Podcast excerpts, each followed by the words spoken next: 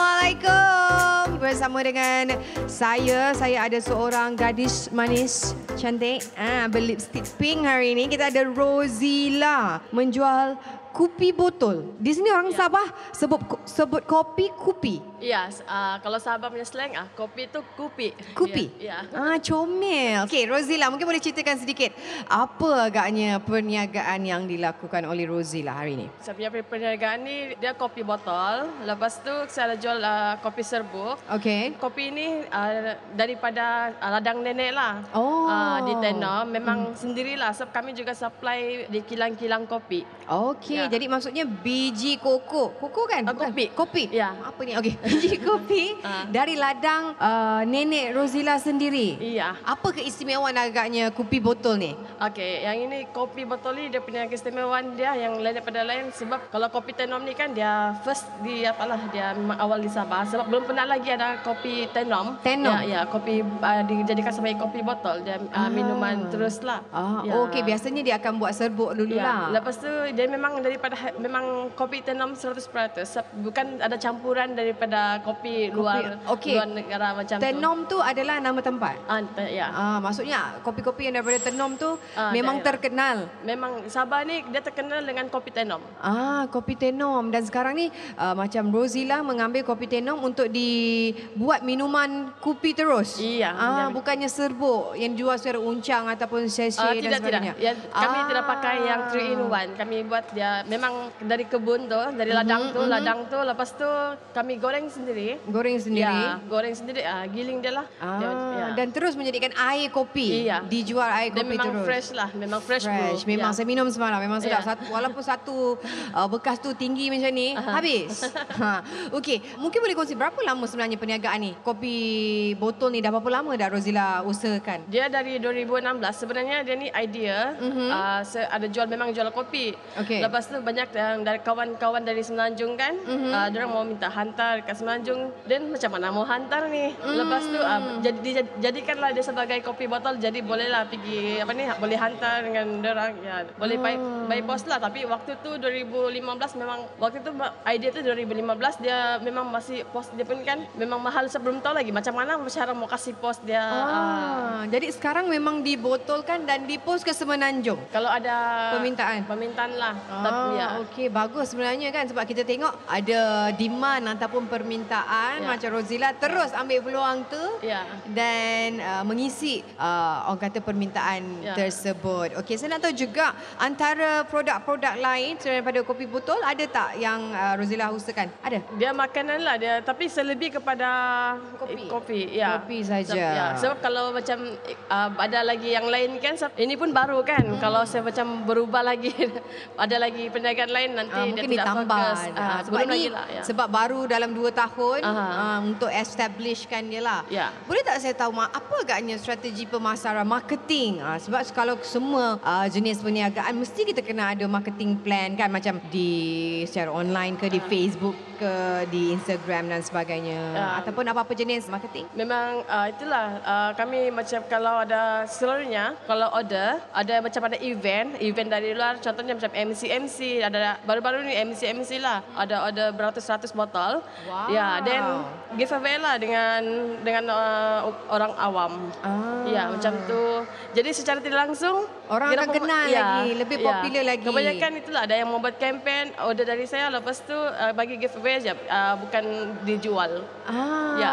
ber- secara percuma. Secara percuma tapi sebagai mereka harga yang istimewa lah. Hmm. Harga ejen lah, harga ejen.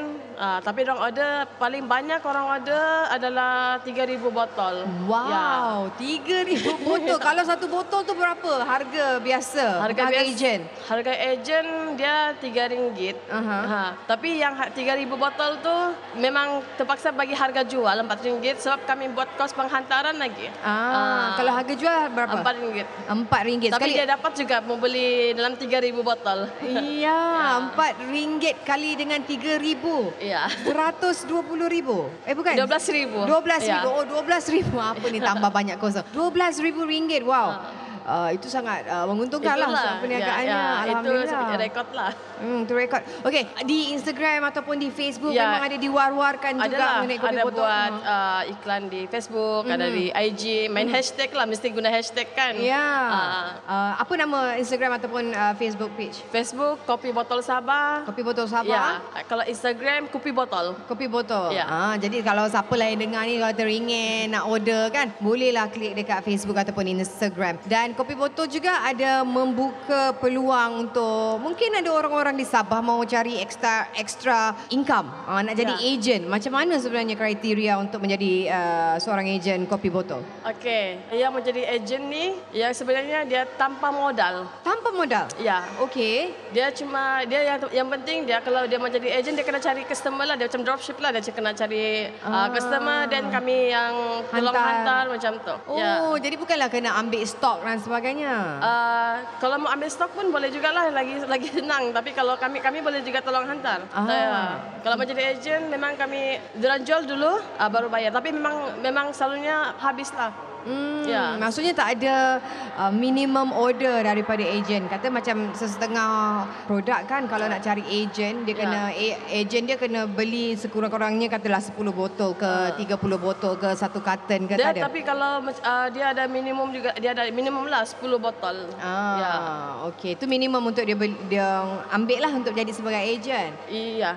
tapi dia dia selalunya kalau dia ada customer lah, dia kena ada customer dulu lah. Ah. Dia dia kasih iklan, jadi tidak macam buang kos kan. Ah. Mau ambil. ah. Yalah, ambil simpan stok pun tak boleh simpan lama. Berapa lama sebenarnya kopi botol boleh disimpan kalau dalam peti sejuk? Ah, dalam peti sejuk dia satu bulan, tapi dia kalau dalam ais saja dalam itu tong ais dia satu minggu. Ah, kalau peti sejuk satu bulan. Ya. Okey, masa mula-mula nak uh, start perniagaan kopi botol ni kan, tahun 2016, 25, 2015 dah dapat idea nak buat, 2016 nak buat, apa agaknya jumlah pelaburan ataupun investment ataupun modal yang dikeluarkan? Sebab mula-mula mula-mula pakai botol biasa kan Ya. dengan yang kos yang rendah. Jadi dalam 2 300 lah. 2-300 saja? Aha. Ah, okey. Jadi 200 pun okey sebab dia sebab mula-mula jual dia kopi O, jadi dia tidak banyak modal. Lepas tu Ah. bila dia, se- dia ada penambahan itu white coffee, ah sana dia terus dia ada banyak modal. Hmm. Ya. Ah, ah, dan botol yang di, digunakan masa mula-mula perniagaan tu botol lain? Ah, botol lain lah macam bentuk mineral tu. Ah, Ah, lepas okey. tu ubah lagi macam bia- yang biasa biasanya lah. Lepas tu mau ada identity kan? Yes. Ah, identity tukar botol yang memang custom made sendiri. Custom made sendiri botol? Ya. Ah, maksudnya order memang lain daripada yang lain? Iya, dia memang bentuk ya slim lah, macam sikit-sikit macam itu Coca-Cola kan, tapi dia ni slim. Oh, tapi Ah, panjang? Panjang. Wow, ya. itu namanya satu inovasi o- oleh uh, kopi botol sendiri untuk mencari kelainan Iya. Ah, daripada produk-produk yang ada. Mungkin ada kopi yang lain, mungkin botolnya berbeza Aha, kan. ya. Jadi untuk orang tengok je tahu, ah ini yang Rosila buat. Aha, ya. ah, tahu. Okey. Kalau nak kira keuntungan secara Hmm. bulanan dah 2 tahun. 2 tahun berniaga kan. Sebulan secara average ataupun purata berapa agaknya keuntungan? Dia macam dia ti- dia kadang-kadang naik turun, naik turun, naik Aha. turun lah. Macam tapi kalau macam masa puasa tu, Mhm. dalam puasa tu dalam seha, dalam sehari ka- kali lah li, dalam macam kalau lima enam lima enam ratus Hmm. kali tiga puluh hari ah begitu Ya, oh, Sebab kalau kami bagus. berjual kalau kami macam sehari kan berjual kami dapat 3 400 macam tu lah. Mhm. Kalau macam ada ekspor lagi nah ah, Ah, lagi banyak sikit. Ya. Ah. Okey, katalah average kita ambil dalam 400. Kalau 400 ringgit satu hari lebih kurang Ah. uh, secara puratanya 400 ringgit kali 30. Dia macam kalau agent kan Hmm. dia macam uh, satu minggu tu satu minggu tu dia ada order dalam ada dari ada lima enam agent macam tu. Aha.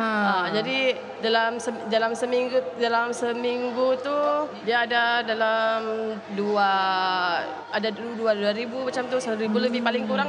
Oh 800 lah. banyak sebenarnya. Ya, tapi dia banyak dan kos lah. sebulan okey, sebulan kalau saya kata sebulan dalam 30,000 Ah. Oh, ya. tidak sampai. Belum lagi sampai. belum sampai lagi 20,000 Ah, dia belum lagi sampai. mungkin. Ya. Hampir. Hampir lah ya. Ya. Ah, Okey. Katalah 15,000. Aha, ah. Selamat. Okey, 15,000 keuntungan sebulan dan Dia insyaallah kalau ka- lebih kasar dikenali. Lah, dia kasar. Kasar lah. Ah, Ha, itu belum tolak tolak kos ke dah tolak kos? Dia Itu dia ka- keuntungan ke dia ataupun sale? kasar kasar. Kasar. Aha. Ah okey. Berapa agaknya jumlah pekerja? Jumlah pekerja tidak banyaklah sebab uh, kami ambil part time. Aha. Kalau yang full time ada dua orang. Aha. Uh, kalau yang part time kalau macam ada order banyak uh, Baru kami ambil. lah. abu ambil part time. Ya, ya. Ah, itu pun nak kira masuk dalam Sebab kos yang juga tu. sekarang ni kami punya produk dia fresh. Jadi Jadi kami menunggu ada sebab ada kawan, ada apa ni, ada usahawan lain akan membawa uh, missionary tot di sini. Jadi kalau ada tu missionary tot tu memang kami boleh itu kopi boleh tahan satu tahun.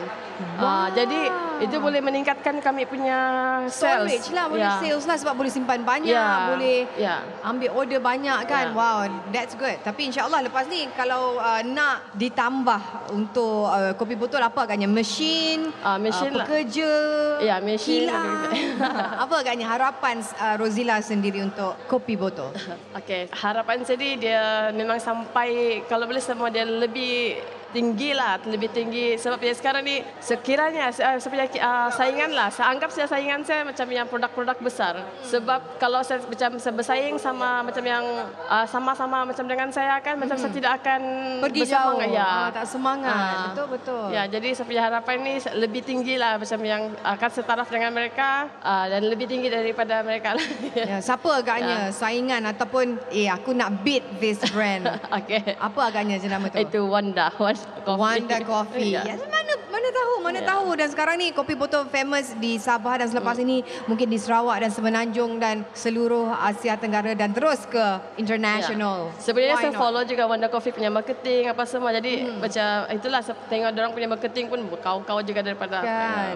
Oi, tapi itulah kita baby Ya. step but Ya. jangan jangan pernah penat untuk ambil ilmu Ah. untuk kembangkan kalau account tu buat keluar masuk kena ada Hmm. dan sebagainya sebab bila kita ada bank statement yang cantik kita ada buku ledger kita boleh minta dana bila kita ni- dapat minta dana kita dapat besarkan kita punya perniagaan Ya, betul. boleh beli mesin boleh sewa kilang dan sebagainya Ya. saya doakan yang terbaik untuk kopi botol. Saya suka semangat Rozila. Dia ada semangat nak berjaya. Dia ada rasa macam harimau. Tahu tak harimau? Ya, nak, ah, ah, Mau tekam ah, dia, nak, mau- nak mau tekam, mamput lagi. Nak apa lagi? So, otak selalu berfikir. That is very good. Thank you Rozila. All the best untuk kopi botol.